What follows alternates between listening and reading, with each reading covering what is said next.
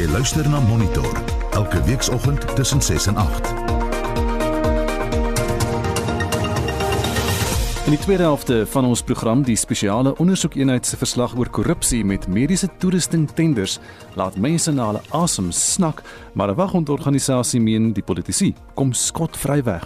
There was nothing that came out in the head of the SI unit's comments about anybody in the high in the chain of command in terms of political figures who were implicated.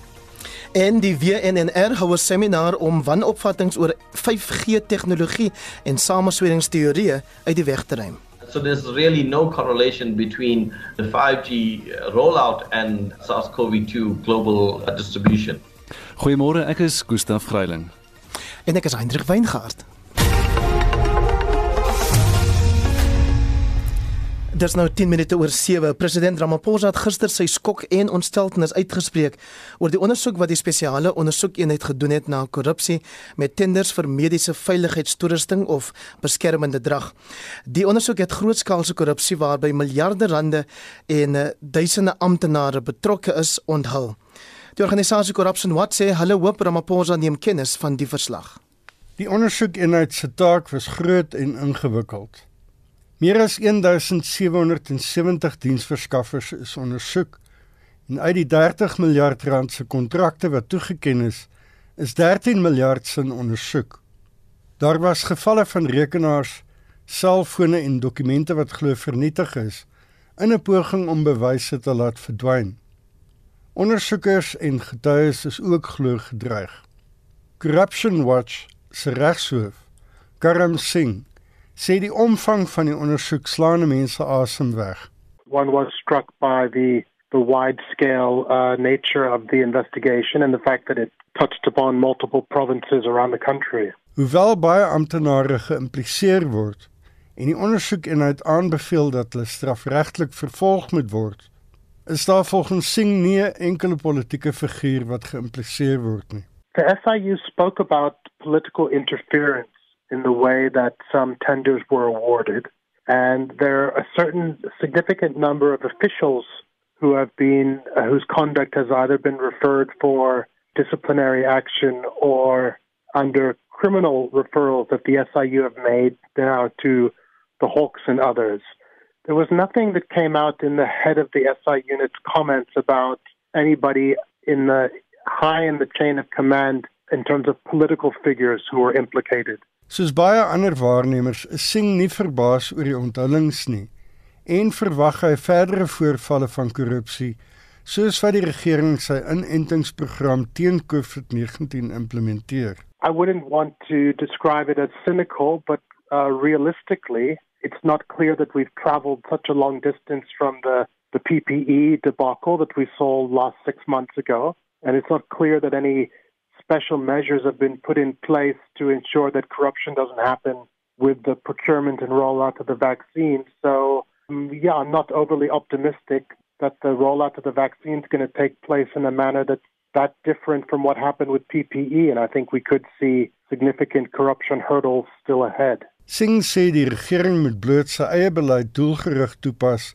om korrupsie te beveg. There's something called the National Anti Corruption Strategy now, which was launched at the end of last year. One would want to see government implementing that in, a significant way. There's a any number of recommendations and different pillars to that strategy. I think government needs to needs to be more strident in a proactive way in terms of its messaging and its lack of tolerance for this type of activity. But there needs to be greater oversight. There needs to be greater capacity and funding of law enforcement, unfortunately, after the fact.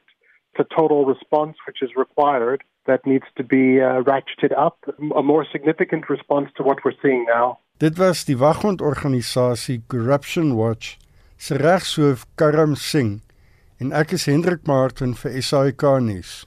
Ons bly nou by die onderwerp en praat met die leier van die Vryheidsfront Plus, Dr Pieter Groenewald daaroor. Môre Pieter. Goeiemôre Gustaf. Hierdie onthullings, almal sê nou dat hulle snak na hulle asem oor die omvang van hierdie korrupsie. Het hierdie onthullings in die verslag jou geskok? Nee, dit het my nie geskok nie, inteendeel ek het dit verwag en ek is verbaas dat eh, die president nou skielik sê dat hy's geskok om te besef en te hoor wat die omvang van hierdie korrupsie is. En die rede hoekom ek dit sê, dat ek dink meeste van die Suid-Afrikaners toe daar begin is en toe aanvanklik aangekondig is van die 500 miljard hulppakket, het die mense al dadelik gevra en hoeveel korrupsie gaan daarmee gepaard gaan. Ons sal onthou dat president Cyril Ramaphosa het destyds verlede jaar hier so rondom Maart April het hy aangekondig en toe het hy gesê hy het ook opdrag gegee aan die ouditeur-generaal om te verseker dat daar nie korrupsie gaan plaasvind nie. Met ander woorde, hy het self toe ook verwag dat daar korrupsie gaan plaasvind.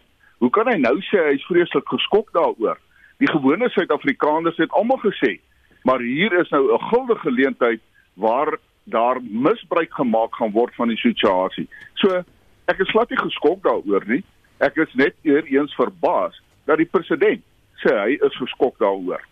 En as 'n mens gaan kyk in die parlement self, as ons teruggaan en bietjie kyk in die geskiedenis, September maand verlede jaar, toe was daar 'n voorstel dat nadat die ouditeur-generaal 'n verslag beskikbaar gestel het in die parlement van korrupsie spesifiek wat betref persoonlik beskermde toerusting dat daar 'n ad hoc komitee moet saamgestel word bestaande uit parlementslede om te kyk na hierdie omvang en presies wie's betrokke by hierdie uh kan ek amper sê dit is 'n skandaal in terme van die wanbestuur en die korrupsie. Toe die ANC as regerende party het na vore getree gesê nee, hulle gaan dit nie toelaat nie want daar is ander instrumente wat daarna gaan kyk. Ek maak die stelling om te sê die ANC het sy mag misbruik in die parlement om so 'n ondersoek deur die parlementêre komitees in die parlement te kortwiek juis om sekere politici dan te beskerm. En Corruption Watch is korrek. As ons gaan kyk na die ondersoek van die uh, spesiale ondersoekeenheid, die blame word nou geplaas op die amptenare. Ek laat my nie vertel dat daar nie sekere politici in hoë posisies nie betrokke is nie. En die rede hoekom ek dit sê is kom ons gaan kyk byvoorbeeld na die ANC het 'n organisasie in Engels is dit the Progressive Business Forum, die progressiewe besigheidsforum. Hierdie business uh, of Progressive Business Forum is eintlik 'n arm van die ANC en word bestuur en beheer deur die ANC. Hy word byvoorbeeld bestuur deur die tesourier-generaal van die ANC, Masitile. En hulle het hierso net voor die einde van Januarie het hulle 'n vergadering gehad die uh, Progressive Business Forum met president Cyril Ramaphosa. En weer eens het hulle gesprek gevoer om te verseker dat vir al swart maatskappye dan die voordeel moet kry van veral hierdie nou die laaste verspreiding van die enstof teen COVID-19. Dit bring my weer terug na swart ekonomiese bemagtiging. En ek veg al hoe lank in die parlement om te sê ons moet wegdoen met swart ekonomiese bemagtiging want dit is nie bemagtiging nie. Dis nie swart ekonomiese bemagtiging nie. Dis swart elite verryking wat plaasvind. En hier sit ons met die bewyse. Pieter, ons het nog 'n paar vrae vir jou so as ons ons dalk net kan bepaal by spesifiek die verslag van die spesiale ondersoekeenheid. Hoe sal 'n mens politieke leiers se betrokkeheid kan bewys by hierdie uh um tender korrupsie as iemand soos Bandile Masuko hier in Gauteng vir ons sê luister julle ek is die politieke hoof en ja ek moet toesig uitoefen maar die amptenary is vir die operasionele verantwoordelik. Hoe jy dit dan hulle moet verantwoordelik hou is dat jy is die politieke hoof. Jy uit 'n politieke perspektief is volle dan volle verantwoordelik daarvoor. En as daar dan nou amptenare is en die politikus sê hy of sy was nie bewus daarvan nie, dan het hy of sy nie hulle werk gedoen nie en dan moet hulle onmiddellik bedank. Dit is die praktyk in die wêreld wat dit betref. Jy sê jy is nie verbaas oor oor die nuus wat uitgekom het nie en nie geskok nie. Is jy wel verbaas oor die spesiale ondersoekeenheid se se deeglikheid in die ondersoeke dat hulle dit wel doen en so bekend maak? Ja, ek uh, het in 'n mate nog vertroue in die uh, spesiale ondersoekeenheid. Daar is 'n paar knap mense Maar natuurlik uh, in baie van ons wetstoepassings uh instellings is daar ook korrupsie en sover doen hulle 'n goeie werk vir dit wat ons weet. Jou probleem is daar's baie waarvan ons nie weet nie. Ons het gehoor daar is uh dokumente wat weggeraak het, rekenaars wat weggeraak het. So dit is baie moeilik om die volle omvang daarvan werklik te bepaal, maar ek dink die spesiale ondersoekeenheid doen tog tot sy bes om te kyk wat hy kan ontbloot en om te sorg dat daar mense wel vervolg word. Ons sien dat uh, hulle het ongeveer 10 miljoen rand teruggekry van ongeveer uh, ek dink dit was ongeveer 20 maatskappye wat uh, hulle wel dan die geld van teruggekry het, maar dis maar 'n druppel in die emmer as ons gaan kyk na die miljarde rande wat net eenvoudig uh, deur korrupsie verlore geraak het vir Suid-Afrika. Pieter, hoe julle as 'n oppositieparty ook munisipaliteite of 'n provinsie soos die Wes-Kaap dop wat deur ander partye anders as die ANC regeer word? Ja, verseker. Ons kyk uh, na ander as jy spesifiek verwys na munisipaliteite, want ek dink dit is ook een van die groot bron uh, of bronne van korrupsie waar veral as ons praat oor persoonlike beskermde toerusting en niemand is verhewe bo die reg nie. En natuurlik moet ons sê, daar is amptenare wat misbruik maak van die situasie en uh daarom moet daar gekyk word ongeag wie die regerende party is in 'n munisipaliteit of selfs in 'n provinsie. En as daar bevind word dat daar wel ook daar korrupsie was, kom ons vat nou maar die Weskaap wat regeer word deur die DA. As daar korrupsie is, dan moet daardie politieke hoof net soos enige ander politieke hoof ook bedank as hy of sy sê dat hulle was nie bewus daarvan nie, hoewel dit die amptenare is, is dit nie 'n vrywaring om te sê ek as politikus het my werk gedoen nie, dan het hulle nie hulle werk gedoen nie en dan moet daardie politici ook bedank. Nou nog 'n ding waaroor mense, kommentators, waarnemers skepties is, is oor hoe deursigtig die implementering van die inentingsveld tog gaan wees. Dis nou as ons 'n enstof kry wat wat die datum nie verval nie en ons moet begin inent, dit gaan 'n geweldige groot operasie wees, een van die grootstes in die land ooit. Ehm um, en hulle is bang vir korrupsie. Daar is jy ook skepties. Ek is skepties daaroor, ja, want ek uh, verwys wat ek net nou gesê het. Uh, en ek kom weer terug na die Progressive Business Forum soos ek sê, die teen einde Januarie was daar reeds 'n vergadering waar president Ramaphosa teenwoordig is en waar hulle spesifiek nou verwys het na die verspreiding uh en die inenting van die enstof. Ek meen ons het gesien in die media, daar was 'n sakeman uh wat onder swart ekonomiese bemagtiging 'n maatskappy gaan registreer het. Hy besit nie eers 'n yskas nie.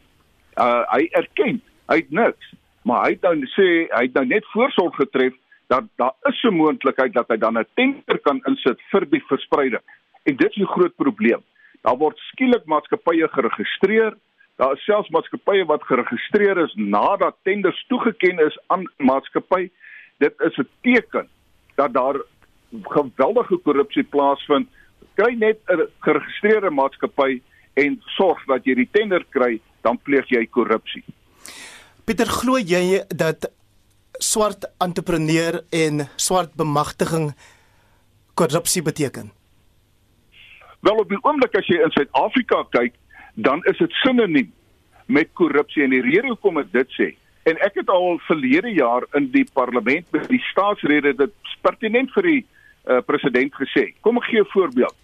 Ek het vasgestel dat byvoorbeeld as jy 'n maatskappy vat soos Eskom waar 'n gewone 3 voet uh, fluoresent buis lig in 'n gewone harde waarde winkel ongeveer R68 kos, koop Eskom daardie selfde buis aan vir R900. En hoe gebeur dit? Van R68 tot R900 is daar 'n aantal maatskappye wat almal swart ekonomiese bemagtiging is wat 'n deel moet skep uit 'n gewone eenvoudige ligbuis van R900. En dis nie ontken nie. Uh inteendeel uh daar is selfs erken deur Eskom dat daar pryse net eenvoudig opgeblaas word. Met ander woorde, dit het sinoniem geword. En ek sê swart ekonomiese bemagtiging is 'n kan ek sê 'n rookskerm om korrupsie te pleeg. Ek sê nie almal van hulle is so nie, maar ongelukkig die meerderheid wil voorkom asof dit is wat gebeur in Suid-Afrika. En dis hoekom ek sê dat ek dink swart ekonomiese bemagtiging is nie wat dit sê dit is naamlik om swart besigheidsmense te bemagtig en dan te kan toetree tot besigheid nie. Dit is en dit hang af of jy die korrekte koneksies het met hoë politici binne in die ANC. En dis hoekom ek sê, nie swart ekonomiese bemagtiging nie, dit is swart elite verryking. In Engels sê hy lekker iets black uh elite enrichment. Dit is wat dit is. Pieter baie dankie. Dit was die leier van die Vryheidsfront Plus vanmôre hier op Monitor Dr Pieter Groenewald. Nou byna 25 minute oor 7 volgens die navorsingsgroep Pieter Maritzburg Economic Justice and Dignity was daar 'n buitensporige en volgens hulle onetiese stygings in voedselpryse tydens die koronavirus pandemie. Die nie-regeringsorganisasie het sy nuutste bekostigbaarheidsindeks gepubliseer waarin die prysveranderings van basiese en noodsaaklike voedselprodukte in Suid-Afrika uiteengesit word. Die groep se woordvoerder, Mervin Abrams, verduidelik.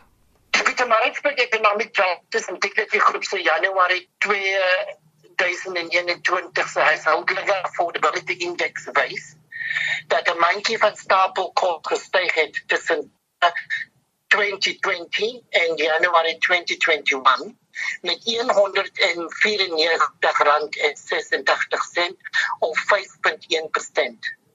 En die prys van die mandjie van 43 stapelvoedsels nou staan op 4051 rand en 20 sent.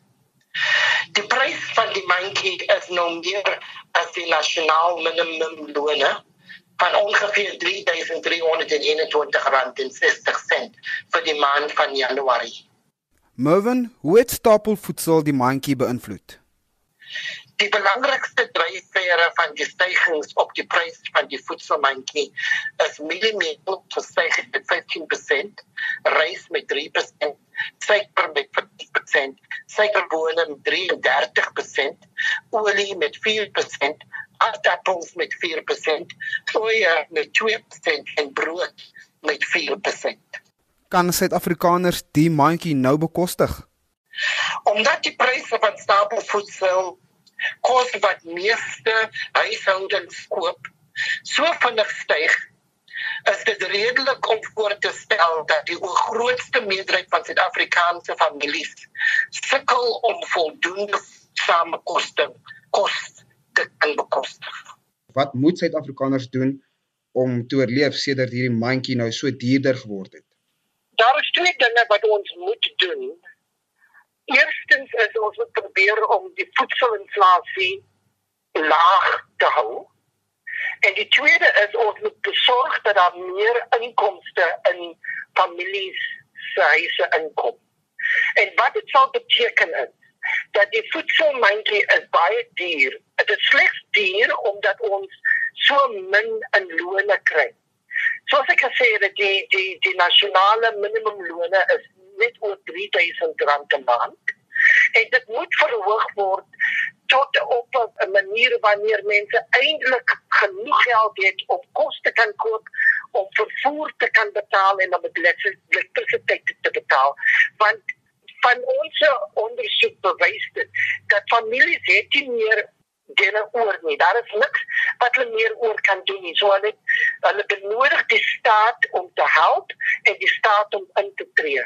En die tweede die derde ding wat die staat kan doen is om te sorg dat daar weer die top-ups op die ouderdomspensioen en die kindertoela het baie baie gehelp en die ses maande wanneer dit gegee was.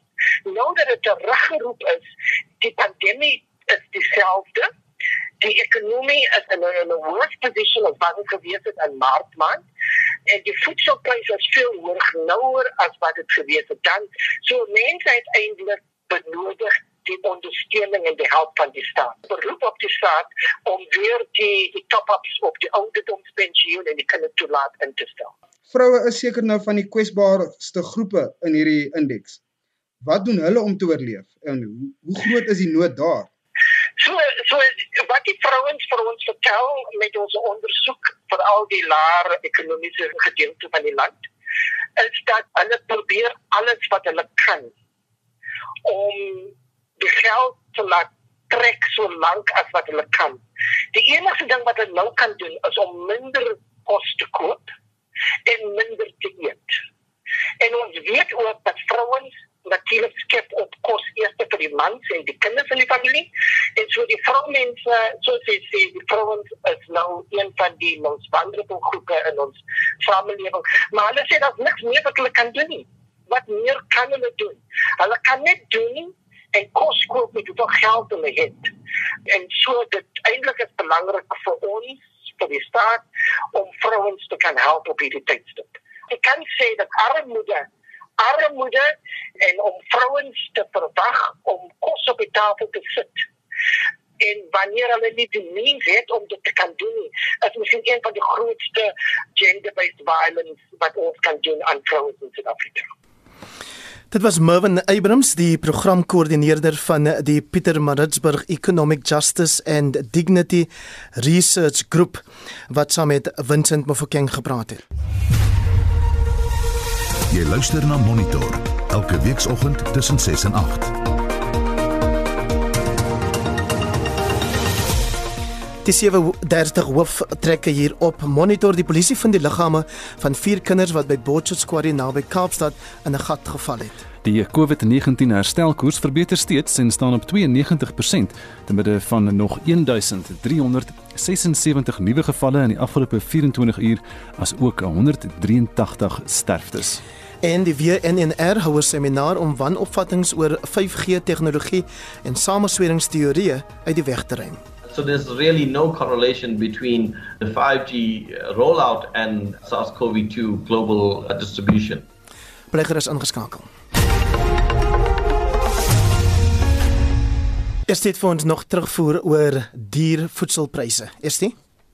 Kom ons luister eers na stemnotas van ons luisteraars. William hier van Denverie en Chamaston Ekurhuleni. Laas maand het ek goedjies gaan koop. Aartappels en bietjie pompoen en vleisies. My vleis alleen was klaar R1000 gewees. In Kimberley is daar 'n pet shop daar of jy nou 'n voeltjie koop of 'n stokkie wat 'n voeltjie moet opsit of 'n voelnesie, als is 40% op. Ek is Leonie Stein van Potchefstroom. Ek stem saam met die ander luisteraars, die groentepryse het die hoogte ingeskiet, onbekostigbaar. Ek koop wortels, kool, botterskorsie en ek maak elke dag 'n gemengde slaai om daai groente se plek te vat. Duif dit toe oud Alberton nou Vrystaat. Kom ek julle vertel hierdie land moet 'n total lockdown wees. Dat die regering met hulle buitensporige salarisse en hulle werknemers kan voel hoe voel dit om op 1870 rand 2.500 rand se huur betaal, dan moet jy nog drank koop om te kan smokkel en ek sê vir julle, hierdie land is in sy in. Er is geen die ANC het hierdie COVID uitgebuit tot hulle geldelike voordeel. Dit is tyd dat iemand hulle skud. Ek hoop hulle skit wakker. Dan Corneil van uh, van Nysen sê Marmite grommoontjie botter stroop en Ouros is peperduur om van sjokolade nie eens te praat nie. En sy sê die sjokolade se kwaliteit is ook baie swak en die beter kwaliteit is onbekostigbaar. Ons koop Marmite en grommoontjie botter net as dit op spesiale aanbod is. Nicoline skryf ek het die afgelope 2 maande nie eens R2 per soetrussie op die mark verdien nie en in die supermarkte betaal jy tussen 10 en 15 rand elk daarvoor. En Lisa sê die verskaffing van voedsel op die rakke is baie duur, lone word deur die regering gedruk, krag is belaglik duur en veemedisyne se pryse klim. Boere se wins is bitter min. Ons vra vandag vir jou, is daar enige produkte behalwe gemmer en knoffel wat jy dink buitensporig duur geword het? Het jy opgehou om daardie produkte te gebruik en wat gebruik jy dalk in die plek daarvan? Stuur vir ons 'n SMS by 45889. Onthou dit kos R1.50. Gesels saam op ons Facebookblad by facebook.com vorentoe skynstreep ZARSG of WhatsApp vir ons stemnota by 076 536 6961. Jy het nog een laaste kans. Ons het net so voor 8 nog weer terugvoer van jou. En is nou 22 minute voor 8 die regsverteenwoordigers vir die gewese Amerikaanse president Donald Trump het gereageer op die aanklagte teen hom in sy staat van beskuldiging verhoor in die Senaat. Die verhoor voor die Amerikaanse Senaat begin dan nou vandag, maar hy gaan nie getuig nie. En Jean Estres nou vir ons die en ander internasionale nuusgebeure dop môre. Môre.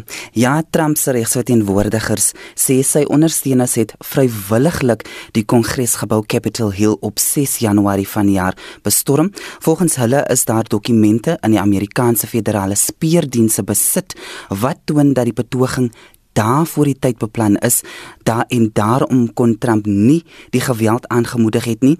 Hulle voer ook aan dat die verhoor ongrondwettig is omdat Trump nie meer in sy amp is nie, maar 'n privaat landsburger. Intussen berig Seco van die BBC dat die demokrate hulle betoog gefinaliseer het. In terms of the rules that they have set out, they'll start out with a debate and then a vote on that issue of constitutionality. I guess the question is over whether or not you can uh, impeach somebody who's no longer in office. It's kind of an echo of the same vote that we saw when the senators were sworn in uh, not long ago. And you'll remember that five Republicans voted with the Democrats uh, to allow that. So we are likely to see this go ahead as planned. Liberty Seco van die BBC. Nou daar is vir 'n vierde dag grootskaalse betogings in Myanmar teen die staatsgreep en die inhegtenisname van Aung San Suu Kyi. Ja, volgens Reuters en ander media het die polisie 'n waterkanon gebruik om betogers in verskeie stede uitmekaar te dryf. Die weermag het 'n aanklokreël en 'n beperking op die getal betogers ingestel. Intussen het die leier van die weermag en die staatsgreep, Min Aung Hlaing, vir die eerste keer die land toegespreek. Hy sê die verkiesing wat Suu Kyi se party in November verlede jaar gewen het, was onregverdig. Hy sê die verkiesingskommissie het versuim om beweringe van ondeelmatighede met die kieserslyste te ondersoek, maar die kommissie sê daar is geen bewyse om die beweringe te ondersteun nie en hier is een van die betogers. This generation did not think they would have to do the same resistance against the military rule. Young people hoped they would grow up in a very different Myanmar, open to the world and its possibilities. But now they find themselves battling to restore democracy and end military rule, just like generations before them. Die weermag het beloof om 'n nuwe verkiesing te hou.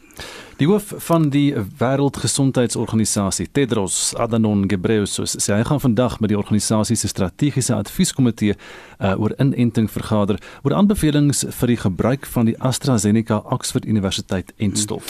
Ghebreyesus het gister 'n media-konferensie gehou en sê hy is bekommerd oor Suid-Afrika se besluit om die verspreiding van die enstof op te skort.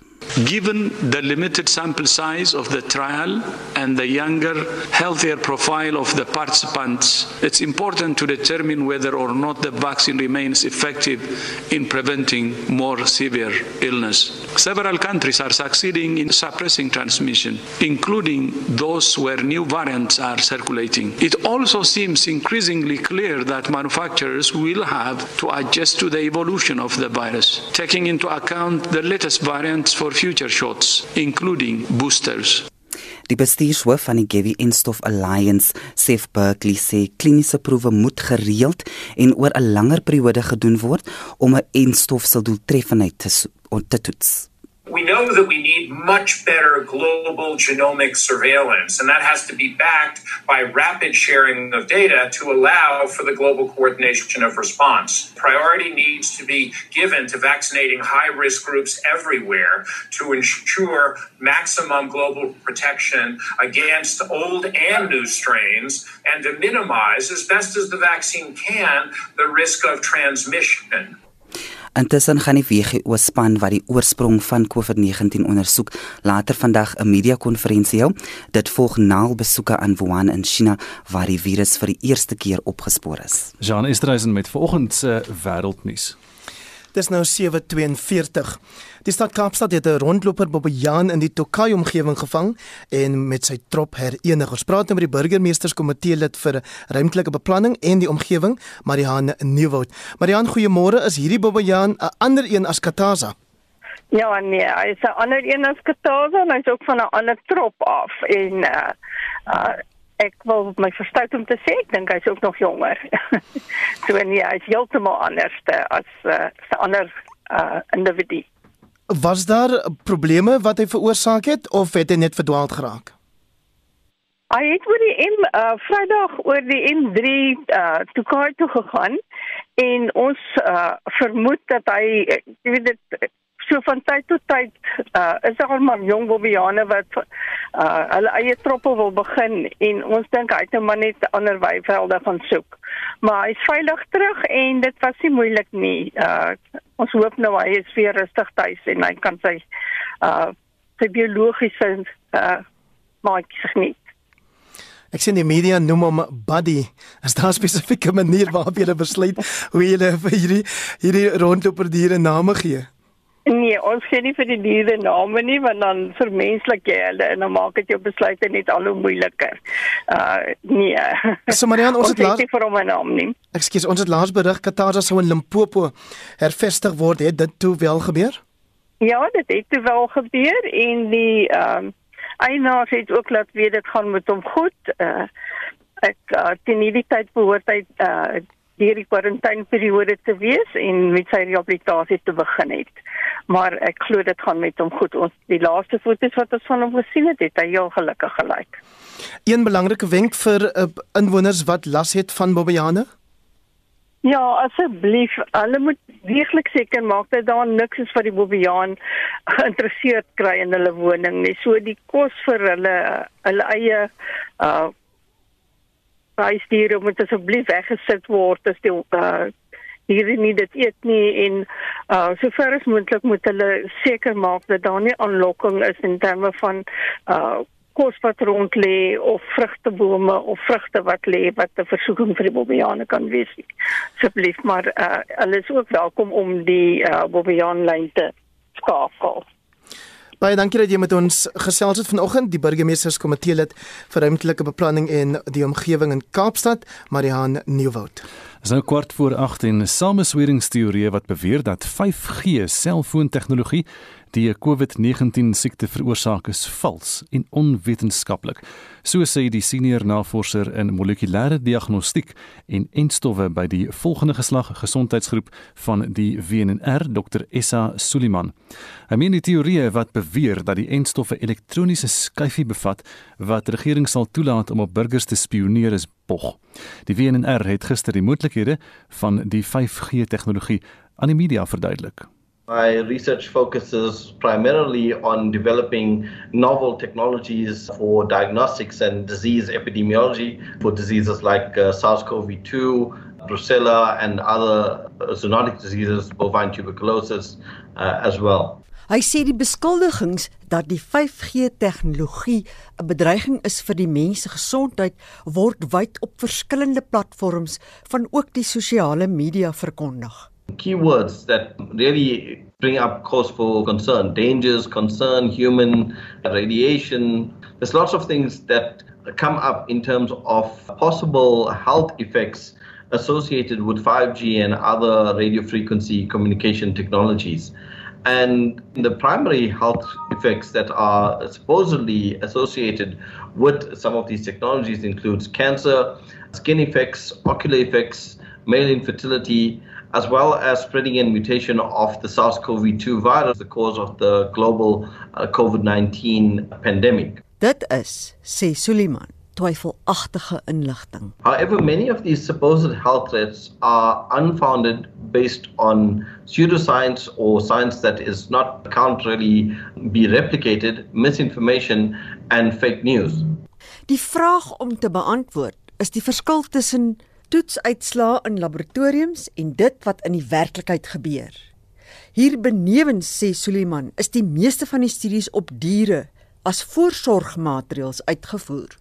In terms of skin effects under laboratory conditions, the high power density radio frequency exposure could lead to an increase in skin temperature, so basically a sensation of heat but the body has very complex thermal regulation systems which can compensate for this moderate localized heat exposure.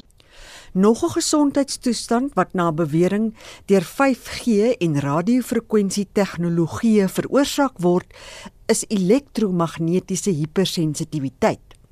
Die bewering is dat mense wat hipersensitief is vir radiofrekwensies hoofpynne kry en moeg bly. Many studies have shown that these symptoms do not correlate with radio frequency exposure. That is, under controlled experimental conditions, scientists have not been able to replicate headaches, fatigue, stress. So there must be some other mechanism which is causing the sensations in the affected individuals.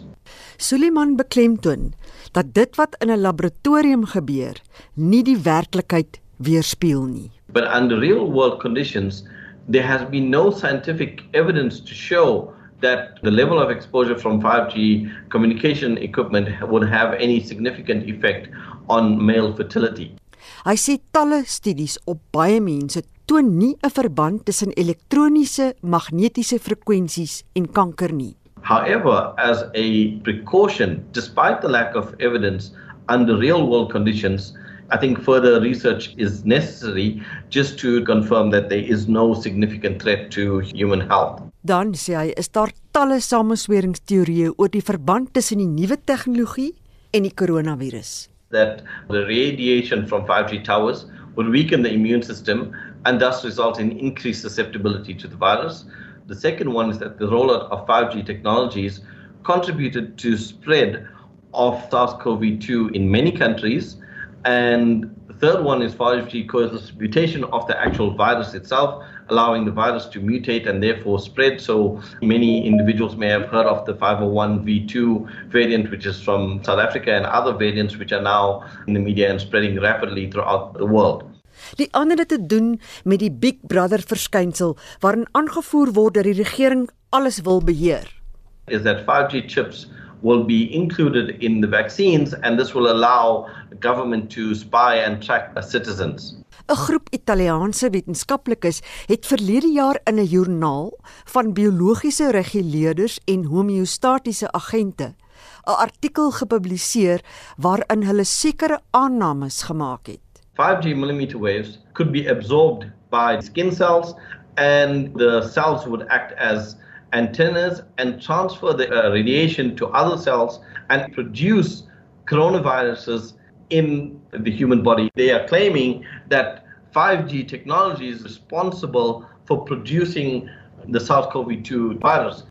Die teorie gaan voort deur te bepaal dat die DNA in selle optree as 'n tipe geleier which can interact with external electromagnetic waves, particularly 5G waves and these waves would produce holes within the nucleus of the cell. To fill these holes, some different modified nucleic acid bases would be produced, and these bases could then join to each other and form virus-like structures such as COVID-19. Their claim was that 5G millimeter waves would be good candidates to basically produce COVID-19 within human cells. Die bewyse wat hulle gelewer het, is dat die 5G golwe kleiner is as wat genoem word millimetergolwe.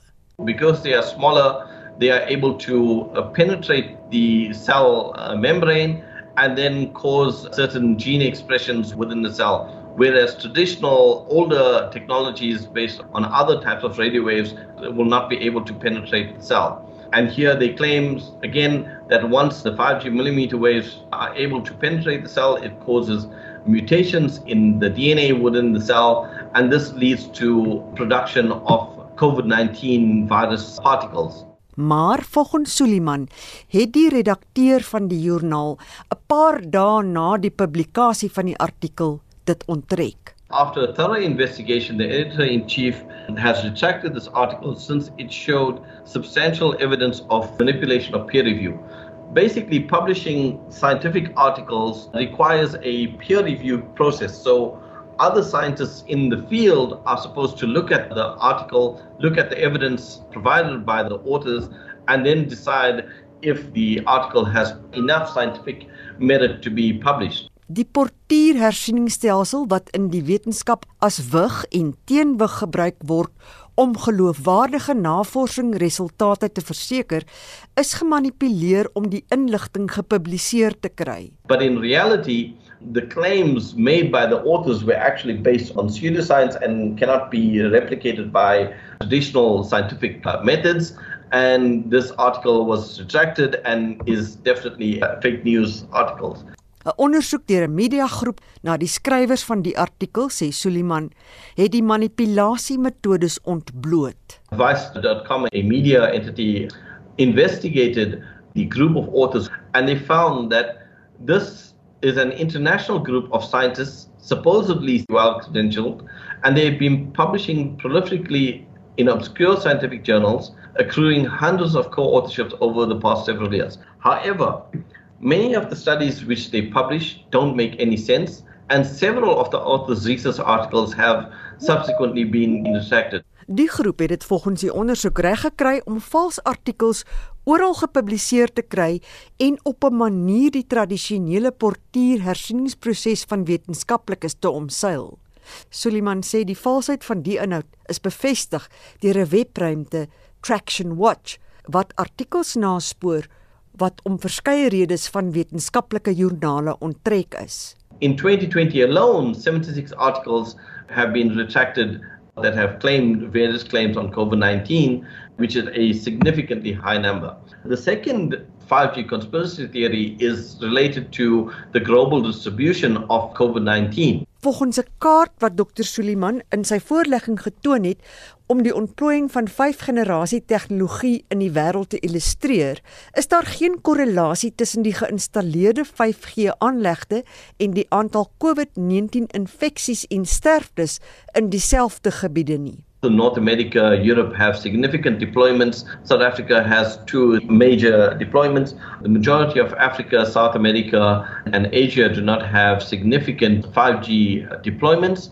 But if you look at the WHO coronavirus dashboard, which tracks COVID 19 infections globally, you'll see that many parts of the world where there are no 5G technologies rolled out. Parts of Africa, parts of Southern America, parts of Central Asia have still had significant numbers of COVID 19 infections and deaths. Hy sê die mutasie van die COVID-19 virus wat 'n RNA virus is, gebeur toevallig. Other strains emerge, you'll see this 20B, 20C, 20D. This is based on the natural mutation of the virus as it replicates and spreads from human to human.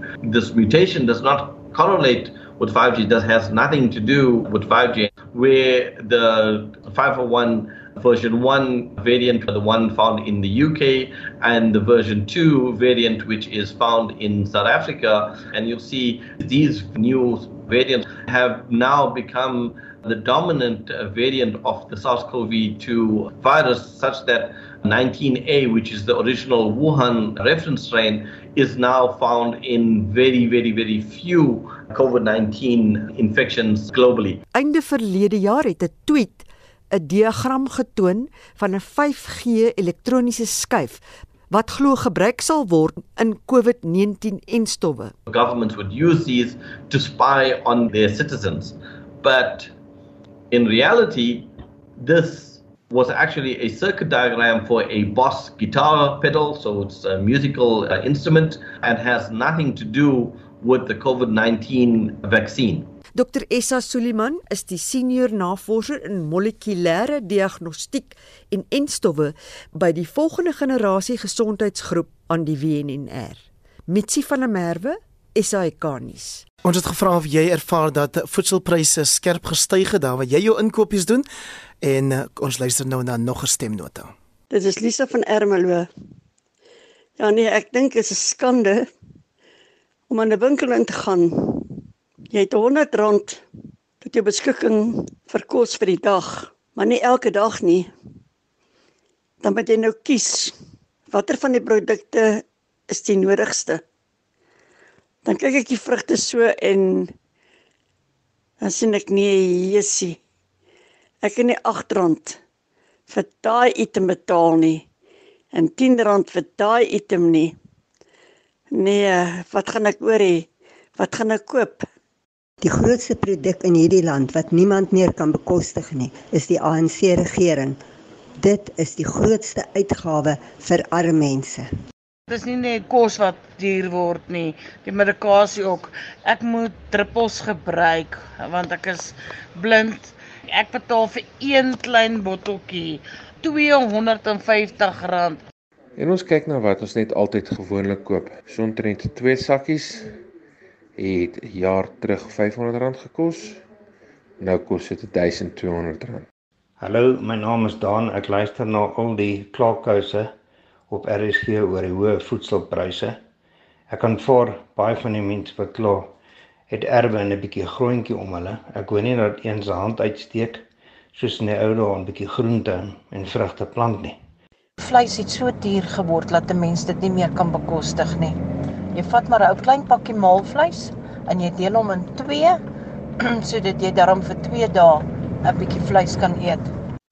Ek glo al julle hoor wat julle sê alles is duurder, maar wat dink julle nou van hierdie plastiese sakkies wat hulle vir jou jou goed insit? Pick n Pay vra 75 sent vir een sakkie. Dis mos ongoddelik en dan word dit nogal gerecycle. Nee man, dit is hulle moet 'n plan daarmee maak. Ons almal onthou nie ons ou plastiek sakkie nie. Jean, hoe lyk die dagboek vir Spectrum later vanmiddag? Wel ons ondersoek beweringe van finansiële probleme by die burgerlugvaartowerheid en die verhoor van pastoor Timothy Omotoso duur vandag in die Hooggeregshof in Port Elizabeth voort. Ons kom aan die einde van vandag se monitor. Ons redakteur vanoggend is Hendrik Martin en ons produksieregisseur vandag was Lewona Bekes. My naam is Koos van Vreiding. Ons groet tot môreoggend om 6. My naam is Hendrik Weingart en soos wat Gustaf sê, ons is môreoggend dieselfde tyd terug hier op dieselfde plek. Mag jy 'n fantastiese Dinsdag hê.